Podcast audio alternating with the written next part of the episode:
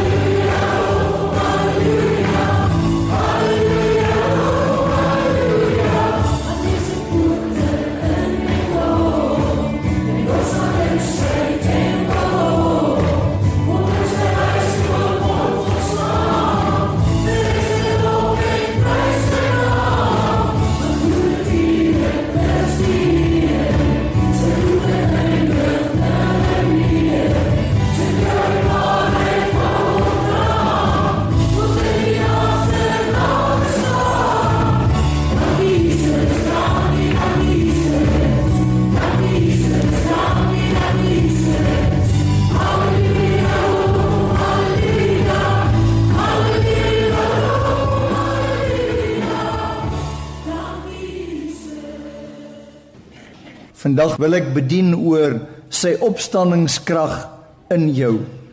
Wanneer jy na Israel toe gaan en hierdie jaar was ek vir die 20ste keer daar, beleef jy elke keer iets nuuts. En elke keer vir my by die oop graf het jy 'n belewenis van die opstanding. En hierdie jaar was dit net iets spesiaals. Ek vra myself na 20 keer, wat kan dit wees? Maar elke keer besef jy dat daar heiland is wat in my plek gesterf het, die dood oorwin het en opgestaan het. En dat ek elke keer in hom kan opstaan. Wanneer hy ons om ons kyk na die natuur, het God die Vader die opstanding, die opstandingskrag van die Here in elke blaar en elke blom van die lente ook aan ons bekend gemaak. En elke keer wanneer ek dit sien, dan besef ek daar's 'n opstanding. Omdat ek en jy in 'n geestelike geveg betrokke is, het die vyand dalk beplan op een of ander manier om jou te na te kom, want die woord leer ons om nigter en waaksaam te wees omdat hy rondloop soos 'n brullende leeu en hy soek wie hy kan verslind. Maar in jou teleurstellings en in jou mislukkings het die Here beplan dat sy seun in jou plek sterf die dood oorwin en opstaan uit die dood uit. Maar ek en jy het egter 'n keuse. Wat maak ek wanneer dit nie met my goed gaan nie? Wat maak ek wanneer ek in 'n gat van depressie val, neerslagtigheid? Nou die dood en die opstanding van die Here Jesus is een van die grootste gebeurtenisse in die geskiedenis van die mens. Om kennis te neem van hierdie gebeurtenisse en hulle gereeld en selfs daagliks toe te pas, stel jou in staat om altyd in opstandingskrag te leef. Opstandingskrag word aan elke Christen wat Jesus bely beloof, mits ons dit op dieselfde wyse aanvaar as wat God die Vader dit beloof het. En dit is deur die offer van die Here Jesus aan te neem en te glo dat die volle prys vir my sonde op die kruis betaal is. En omdat die volle prys betaal is, kan jy elkeen van ons uit enige negatiewe situasie in triomf opstaan. God het aan die mens egter 'n vrye wil gegee. En wanneer ek en jy 'n keuse maak om Jesus die Here van ons lewens te maak, dan buig ons voor sy godheid En dan het ek en jy die vermoë deur die krag en die persoon van die Heilige Gees om op te staan in oorwinning. Ek wil fokus plaas op drie dinge. In opstanningskrag leef as 'n daaglikse lewenswyse. In die tweede plek dat daar 'n opstaan in triomf kan wees in enige negatiewe situasie. En dan in die derde plek dat ek in daardie oorwinning kan leef. Dis nie net iets wat eenmalig gebeur nie, ek leef daarin. Maar daar's 'n proses. Daar's 'n proses waar ek myself van die selflewe moet ontledig sodat sy opstandingskrag in my kan groei dat ek dit kan beleef en dit kan uitleef. Daar's drie skrifgedeeltes wat altyd vir my uitstaan in hierdie begrip. Die eerste kom uit Filippense 3 vers 10. Net die eerste gedeelte sê Paulus sodat ek hom kan ken en die krag van sy opstanding en die gemeenskap aan sy lyde terwyl ek aan sy dood gelykvormig word. Paulus sê dat ek hom kan ken. En dan in Galasiërs 2:20 sê hy ek is met Jesus gekruisig. Onthou Paulus was nie daar nie, maar hy sien homself in Jesus gekruisig. Ek Paulus leef nie meer nie, maar Christus leef in my. En wat ek nou in die vlees lewe, leef ek deur die geloof in die seun van God wat my liefgehad het en homself vir my oorgegee het. Dan in Romeine 6 vers 4. Ons is dus saam met hom begrawe deur die doop in die dood sodat net soos Christus uit die dode opgewek is deur die heerlikheid van die Vader, ons so ook in 'n nuwe lewe kan wandel. Die Bybel in praktyk kom en voeg by 'n nuwe lewe kan lei. So ek wandel nie net nie, ek lei 'n nuwe lewe. Om 'n nuwe lewe te hê en in 'n nuwe lewe te wandel, vind nie net plaas in 'n een eenmalige situasie nie, maar Ek moet nie leer dink. Ek moet kom by 'n plek dat ek opstanding dink. Die oomblik as 'n probleem kom, sê ek maar ek gaan hieruit opstaan. En dan dat ek nie leer optree. Wat gaan ek maak as ek 'n neerlaag gelei het? Gaan ek optree soos wat ek voorheen opgetree het of gaan ek nie optree? En dan nie leer glo en vertrou. As ek terugkyk in my lewe en ek dink aan dinge wat my neerslagtig gemaak het en wat 'n oorwinning oor my kon kry en wat ek vandag kan sê, ek het dit oorwin. Dink aan byvoorbeeld Josef, toe Potifar se vrou hom versoek en hy weghardloop. Uit die tronk uit kry hy bevordering na die paleis. En Farao sê vir hom, ek stel jou aan oor my hele koninkryk behalwe oor my vrou. Sy houding was, ek het daai toets geskryf. Ek het hom geslaag. Jy hoef nie oor my bekommerd te wees nie. Jy sien, kan ek die toets slaag? Kan ek opstaan in die situasie en kan ek in oorwinning kom? Uit Klagliedere 3 vers 22 kom Jeremia en hy sê iets interessant. Hy sê dis die goedentierenhede van die Here dat ons nie omgekom het nie, want sy barmhartighede, dit is sy medelee, is nie het geen einde nie. En dan sê hy hulle het geen einde nie. Hulle is elke môre nuut. Elke dag het 'n nuwe genade. Elke dag is daar 'n nuwe deur van guns, want genade is guns wat vir jou oopmaak. En dan sê Jeremia, "U trou is groot." Hierdie is my wonderlik. Dit beteken dat wanneer ek ontrou is, is die trou van die Here groot. In Romeine 12:2 sê die boodskap iets interessant. Moenie tuis raak in hierdie wêreld met al sy al sy negatiewe nie. Nee, laat God julle van binne af net maak. Laat julle manier van dink verander sodat julle kan weet wat hy van julle verwag. Dan sal julle ook weet wat sy wil is en hoe julle julle lewe elke dag aan hom moet oorgee. Dis 'n daaglikse oorgee. 'n Opstandingskrag kom wanneer ek leer om geestelik te dink.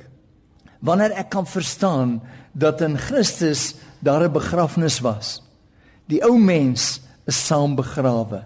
Die ou mens is dood in die dood van die Here Jesus.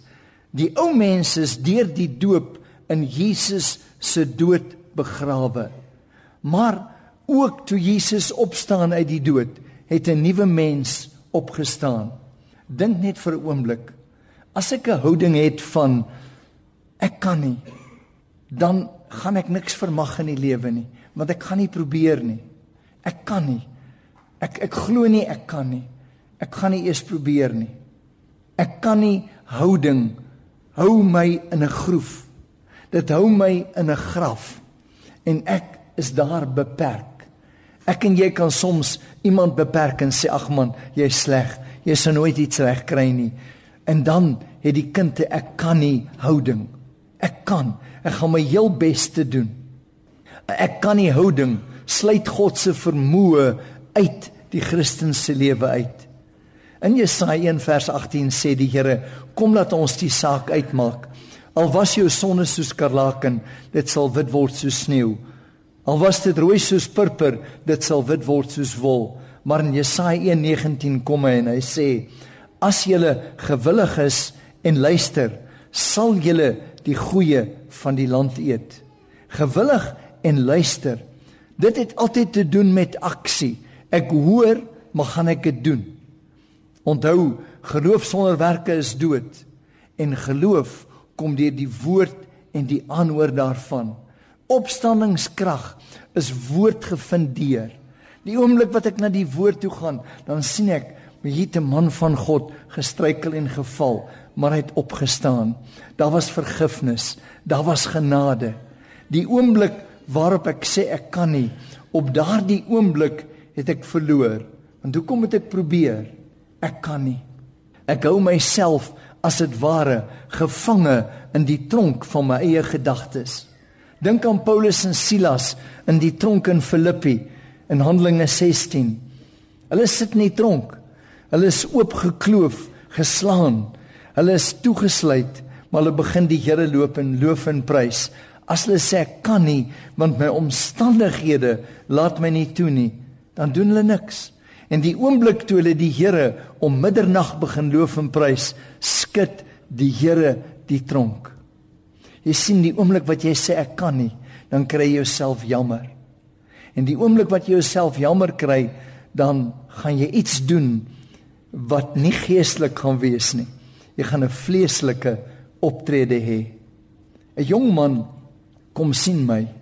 Hy het 'n baie teleurstellende tyd gehad. Ry met 'n motorkar en daar's 'n ongeluk. Hy het bestuur en hy neem homself kwaadlik. Sy verloofde is dood en sy twee ouers in die kar is dood. En hierdie jong man val in 'n gat van depressie. Hy kan nie daar uitkom nie. Daar's 'n neerslagtigheid. En hy sê, ek weet wat die Bybel sê. Ek weet die woord sê ek is meer as 'n oorwinnaar. Maar wat ek ook al probeer, ek kan nie uit hierdie gat uitkom nie. Ek kan myself nie vergewe nie. Ek weet dit was 'n ongeluk, maar my verloofde is dood. My ouers is dood. Hoekom moet ek nog probeer? Ek ek kan net sowel opgee en niks verwag nie. Want niks werk buitendien vir my uit nie. En hoekom moes dit met my gebeur? 'n vraag wat ons baie keer vra. Hoekom moet so iets met my gebeur? Hy was reg. Niks kon vir hom reg werk nie. Spreuke 23:7 sê, want soos hy in sy siel bereken is hy. As a man thinketh in his heart, so is he. Nou staan 'n keuse. Jy gaan God losraak of jy gaan God vrugtig raak. Jy mag reg vra.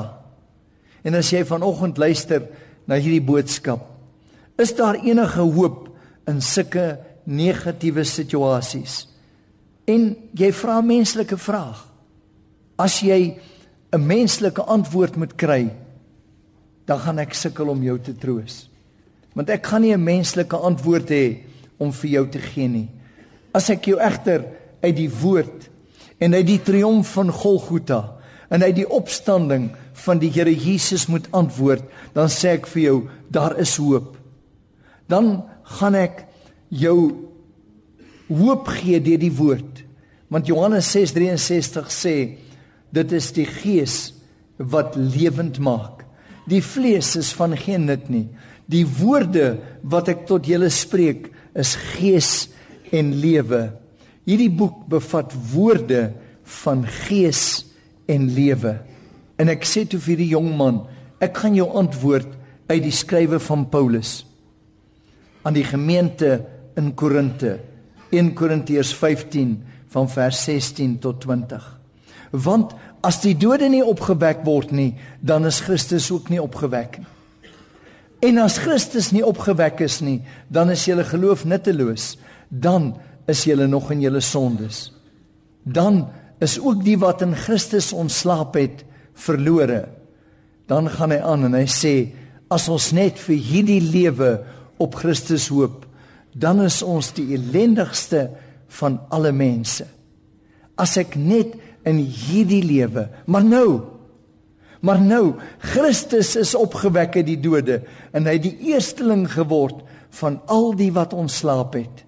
Ek sê jong man, hy het die eersteling geword van al die wat gesterf het. Ek wil hê jy moet hoor. Hy sê in 1 Korintiërs 15 vanaf vers 25. Want hy moet as koning heers totdat hy al sy vyande onder sy voete gestel het. Hy is die hoof van die kerk, ons is die voete. Die laaste vyand wat vernietig word is die dood. En ek sê vir hom jong man, die dood is 'n vyand. Hy het gekom en van jou kom steel. Maar ek het vir jou hoop. Ek wil hê jy moet hierna luister. En ek het met hom vier dinge gedeel. En weet jy terwyl ek deel, het ek gesien hoe die woord kom en die woord hom was en hoe die woord skeiding bring tussen gees en siel. In die eerste plek jou geliefdes het hulle aardse tentwoning wat tog sou vergaan met geboue in die hemel vervang. Die woord sê in 2 Korintiërs 5:1 want ons weet dat as ons aardse tentwoning afgebreek word, gaan staan voor die spieël. 'n Tentwoning het 'n verval datum.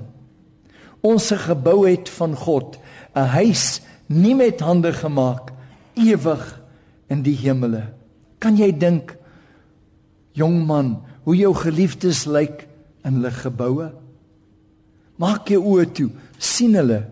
Die tent het die ongeluk verwoes. Nekke is gebreek. Daar was baie bloed, maar nou het hulle gebou in die hemel. Jy sien, die oomblik wat ek die woord bring, bring dit skeiding tussen gees en siel. Ek sien die tweede plek. Hulle is nou besig om hulle ewige erfporsie en die volheid daarvan te ontdek. Want 1 Korintiërs 2:9 sê: "Maar soos geskrywe is, wat die oog nie gesien het, die oor nie gehoor het, in die hart van die mens nog nie opgekom het, wat God berei het vir die wat hom liefhet." Hulle ontdek die volheid van die hemel. Weet jy, ek weet nie hoe dit is nie, mense wat teruggekom het en vertel het belewennisse gehad Ek het die voorreg gehad om twee keer in die hemel te wees. En mense vra vir my hoe lyk dit? Ek sê die liefde van die Here vul alles. Niks maak saak nie. Van die liefde van die Here vul alles. As mense net sal besef die krag van die liefde. 'n God wat jou so liefhet dat hy vir jou iets voorberei het wat jy nog niks van weet nie. In die derde plek sê ek vir die jong man, dink net, hulle sien God nou van aangesig tot aangesig. En hulle ken hom ten volle. In Korintiërs 13:12 sê, want nou sien ons deur 'n spieël in 'n raaisel, maar eendag van aangesig tot aangesig. Ek sê vir hom, kyk my in my oë. Jou geliefde se eendag het aangebreek.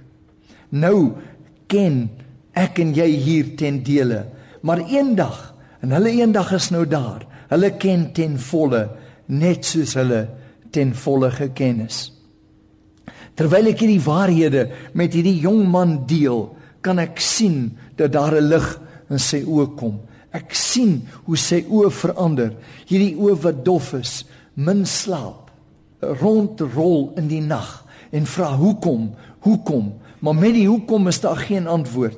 Psalm 36:10 sê, want by U is die fontein van die lewe. In U lig sien ons die lig. sien hier's bonatuurlike lig in hierdie man sien die lig. Jy kan nie neerlag dink en oorwinning of opstanding standingskrag beleef nie. Jy kan nie straf dink en aan 'n God van liefde dink nie. Want die twee kom nie by mekaar uit nie. Nou jy kan nie vrees dink en in geloof of in geloofsaksie oorgaan nie. Romeine 12:3 sê ons het almal 'n maat van geloof ontvang. Maar of ons dit gaan gebruik of nie is ons keuse. God is teenwoordig. En waar God teenwoordig is, is daar 'n muur, want lig is 'n muur teen duisternis. Daar's een ding wat vinniger beweeg as lig en dis duisternis wat vlug voor die aanslag van die lig. Jesus kom en hy sê vir ons in Markus 9:23: As jy kan glo, as jy kan glo, alle dinge is moontlik vir die een wat glo. sien die wat op die Here vertrou sê Jesaja 8:16 sal nooit haastig wees nie. Ek vertrou op die Here. Nou jy en ek as mens. Sit met natuurlike denke wat ons fokus plaas op die natuurlike. Dit wat my oë sien dit wat my oë hoor en dit beperk my. Ek wil jou kom uitdaag. Elkeen wat na hierdie woord luister vandag moenie op die Here opgee nie want hy sal nooit op jou opgee nie. Toe Adam en Eva sondig toe kom soek hy hulle vra hulle hy kom soek na jou hy sal die goeie werk sê Filippense 1:6 wat in jou begin het volbring tot die dag van Jesus Christus. Die laaste gedagte wat ek met hierdie jong man deel, was uit Romeine 8 van vers 35 tot 39. Wie sal ons skei van die liefde van Christus? Verdrukking of benoudheid of vervolging of honger of naaktheid of gevaar of swaard? Soos geskrywe is, om U ontwil word ons die hele dag gedood. Ons is gereken as slagskape.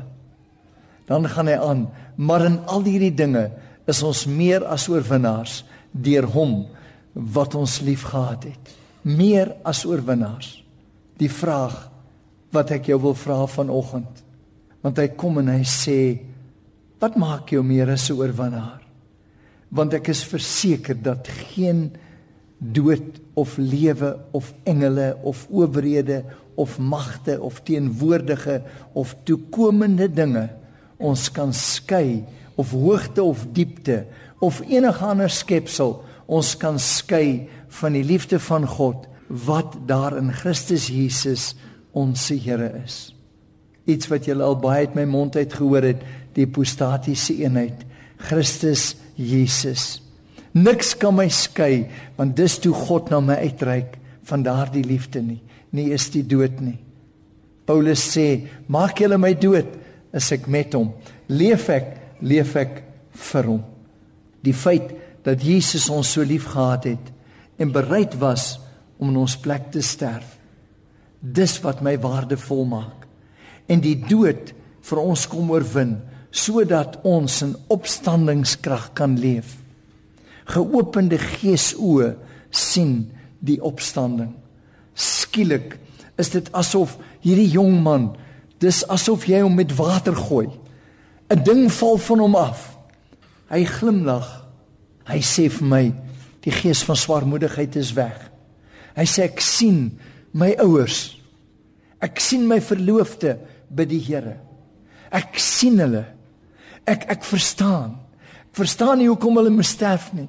Ek sien my vryspraak. Ek sien dat God my vergewe het.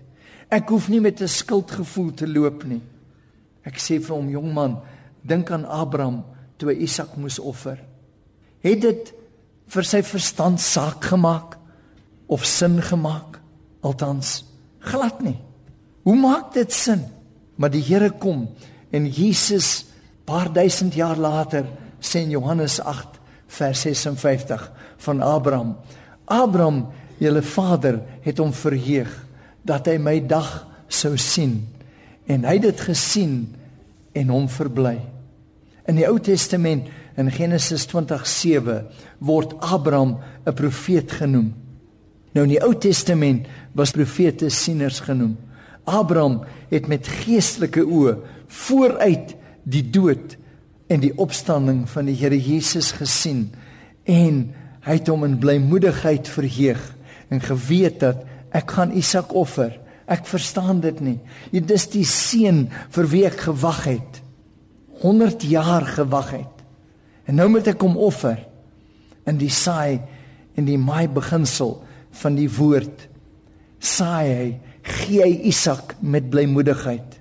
En ek wil regtig hê jy moet hoor wat die Here vir jou sê, want hy sê in 2 Korintiërs 9:7 Laat elkeen gee soos hom in sy hart voorneem, nie met droefheid of uit dwang nie. Abraham staan nie daar en huil en sê Here, hoekom? Ek verstaan nie. Hoekom hierdie kind, Here? Weet U nie dat ek 100 jaar vir hom gewag het nie? Weet U nie dat Sara se baarmoeder dood was nie? Weet U nie dat ek geen spermtelling gehad het nie? My liggaam was dood. Met blymoedigheid kom hy. Hy sê laat elkeen gee soos hom in sy hart voorneem, nie met droefheid of uit dwang nie, want God het 'n blymoedige gewer lief. Here, as ek hierdie saad saai, gaan U dit opwek. Dink daaraan, jy en ek as Christen, elke keer wanneer jy eet, het iets gesterf. Die woord getuig van uit dit wat sterf kry jy lewe. Vandag gaan jy eet, 'n hoender het gesterf, 'n skaap het gesterf, 'n bees het gesterf. 'n Wortel is uit die grond uitgehaal. Die arme wortel is besig om dood te gaan, maar jy en ek kry die lewe daarvan. Alles getuig van die opstanding, van die dood en van die opstanding. God gee as ons aan hom gee ons aanbidding, gee ons dit met blydskap. Toe Abraham op pad was om sy seun Isak te gaan offer, sê Genesis 22:5 en Abraham sê aan sy dienaars: "Bly hier met die esel. Ek en die seun wil daarheen gaan na die offerplek om te aanbid en dan na julle terug te kom." Hy sê: "My gee van my seun is aanbidding. Wanneer jy iets aan die Here gee en jy dit sien as aanbidding, dis nie iets wat ek net gee uit droefheid of uit dwang nie. Vir Abraham was die offer van Isak sy enigste seun. Gehoorsaamheid was aan aanbidding gekoppel en daaraan was seën gekoppel. In die Bybel was gehoorsaamheid nog altyd die sleutel tot seën. Abraham is gehoorsaam en die Here kom en hy sê later, omdat jy jou seun gegee het, kan ek my seun gee. In Abraham se gehoorsaamheid het hy geopende gees oë gehad. Skielik sien hy die offerram. Die woord sê in Genesis 22:14 en Abraham het die plek genoem die Here sal voorsien. Sodat vandag nog gesê word op die berg van die Here sal dit voorsien word. En hier vind ons die verlossingsnaam van die Here Jehovah Jeri.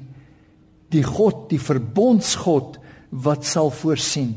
Wanneer ek en jy kom, ons offergawes na die Here toe bring, ons lewens aan die Here offer, dan sal die Here voorsien. Hy het voorsien en hierdie jong man sê, ek sien. Hy het voorsien dat terwyl die vyand beplan het want met die vyand het 'n ronde gewen en het my ouers doodgemaak voor die tyd en my verloofde, maar God voorberei voor die grondlegging van die wêreld dat daar 'n opstanding sal wees. Weet jy daardie jong man is vandag weer hy het verloof geraak en getroud. En hy dink terug en hy sê, weet jy met hoeveel mense kan ek deel en vir hulle sê, moenie bly lê in die teleurstelling van die verlede nie. Moenie bly lê in dit wat jy misluk het nie. Staan op en lewe. Vandag is die berg van die Here waar ek en jy hom in gees en in waarheid aanbid. Hy sê in Johannes 4 vers 23 en 24 vir hierdie jong vrou by die put van Samaria. Daar kom 'n uur en dit is nou wanneer die ware aanbidders die Vader in gees en in waarheid sal aanbid want die Vader soek ook mense wat hom so aanbid jou lewe jou offergawe. Sien dit as aanbidding en God soek jou op. God is gees. En die wat hom aanbid moet hom aanbid in gees en in waarheid. Ek wil kom en sê Christen jy's 'n nuwe skepsel. Jy's nie 'n herboude sondaar nie. Jy's 'n nuwe skepsel. En God die Vader noem jou sy vriend. Hy noem ons sy vriende. Hy sê in Johannes 15 vers 14 en 15, hierdie versies, die ou boere gesegde is 'n riem onder die hart. Ek hoor die Here en ek sien vir die jong man, sien die Here kom en hy sê, jy's my vriend as jy alles doen wat ek jou beveel. Verlustig jou en my. Ek noem julle nie meer diensknegte nie omdat die dienskneg nie weet wat sy heer doen nie. Maar ek het julle vriende genoem omdat ek alles wat ek van my Vader ontvang het aan julle of gehoor het aan julle bekend gemaak het. Nou God is 'n God van seisoene. Ek wil hierdie woord saamvat om dit af te sluit. Daar's 'n seisoen vir elke ding onder die hemel, sê Prediker 3. Daar's 'n winterseisoen in die Here. Dit is God se seisoen van voorbereiding. Jy gaan deur 'n wintertydperk. Dis koud. Dis 'n tyd van voorbereiding. Dis 'n tyd wat jy die woord neem en jy kry openbaring. Jy kry rigting. Here, dis 'n winterseisoen. Ek bly nog wag op die Here, want daar's 'n tyd in die volheid van tyd. Dan groei die wortels dieper. Ek verwag nie iets bo kan die grond nie. Ek versterk my fondamente. Winter word egter vooraf gegaan deur herfs. Herfs is 'n tyd waar blare van die bome afval. Dit lyk asof alles verlore is. Dit lyk asof alles uitmekaar uitval, maar dis ook 'n planttyd. In die herfs plant ek. Ek neem die woord wat vir my openbaar is, openbaring is en ek plant dit in my hart. En terwyl ek dit plant, sê Romeine 10:17 geloof kom deur die woord en die antwoord antwoord daarvan. Ek bly sê daar staan geskrywe. Ek bly sê dankie Here. Want as ek bly sê wat God sê, kom geloof. Ek bly sê wat God sê. Na die herfs en na die winter kom die lente. Alles begin weer lewe kry. Alles begin opstaan. Nou begin daar hoop kom. Ek moes hierdie jong man vat deur herfs. Ek moes hom deur die winter vat, moes hom by die lente uitkry. Dis al hoe ek kon help. Dis al hoe die woord ons kan help. Dis hoe elke prediker jou wil bemoedig. Ek moes hom hoop gee dat die deur vir geloof oopgaan. Skielik verander jou uitkyk. Skielik begin jy lewe spreek. Jy praat nie meer die probleem nie. Jy sit nie en dink as ek maar net hoekom het ek nie want Spreuke 15:15 15 sê al die dae van die bedrukte word boos gemaak deur angstige gedagtes en voorbodes. Skielik sien ek die lewe. Ek sien myself weer opstaan. Ek sien daar's 'n roering in die gees. Daar's 'n roering in my binneste. Dis soos 'n roering in die graf. Ek wonder die mense wat gestaan het by Lazarus se graf dat iemand het ingeloer en gesien daar's 'n roering in die graf daar's 'n lig wat in die graf instroom. Skielik is die somer daar. Daar's vrugte. Die vrugte begin klein en skielik word die vrugte groter. En soos wat ons op die skerm gesien het die groot vrug. En daar's die vrug van die opstandingslewe. Ek wil jou kom uitdaag. Hierdie jong man het uit sy gat van depressie opgestaan. En die Here gebruik ons as lig om vir ander mense te sê, jy kan opstaan, jy kan in oorwinning leef, want hy het opgestaan. Dis interessant dat hy aan oor die 500 mense verskyn het na die opstanding. Dat in Jerusalem hulle gesê het, hy het opgestaan. Aan die ander kant het iemand gereageer en gesê, hy het waarlik opgestaan. Die familie van hierdie jong man het gesê, "Hi, shame. Ons kom so jammer." Skielik het die familie gesê, "Wat het jy gedoen? Wat het met jou gebeur? Jy het opgestaan. Jy's uit jou gat van depressie uit. Jy leef. Ons wil hê wat jy het. Geliefde in die Here, moenie toelaat dat die vyand jou in 'n gat of in 'n groef hou van wat was. Die God wat ons dien, is nie 'n ek was God nie. Dis 'n God wat was en is en sal altyd wees. Hy sê vir Moses, gaan sê vir hulle, ek is stuur jou. Wat vir 'n naam is ek is? Moses wat ek was, is ek. Moses wat ek sal wees, is ek. Ek is 'n God wat die, die dood van my seun die dood oorwin het en ek het my seun laat opstaan uit die dood sodat jy in opstandingslewe kan leef. Ons sluit af met 'n lied.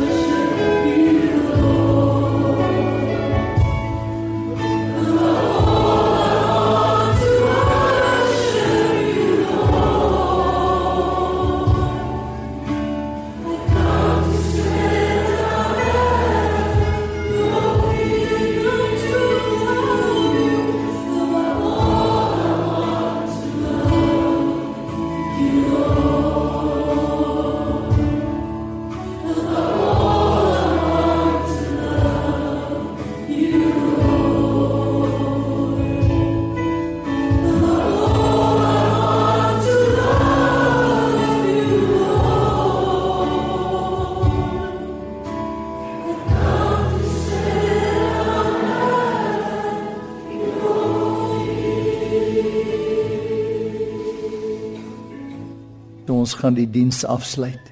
Die liefde van God die Vader, die genade van die Here Jesus en die konstante fellowship van die Heilige Gees is jou deel in Jesus naam.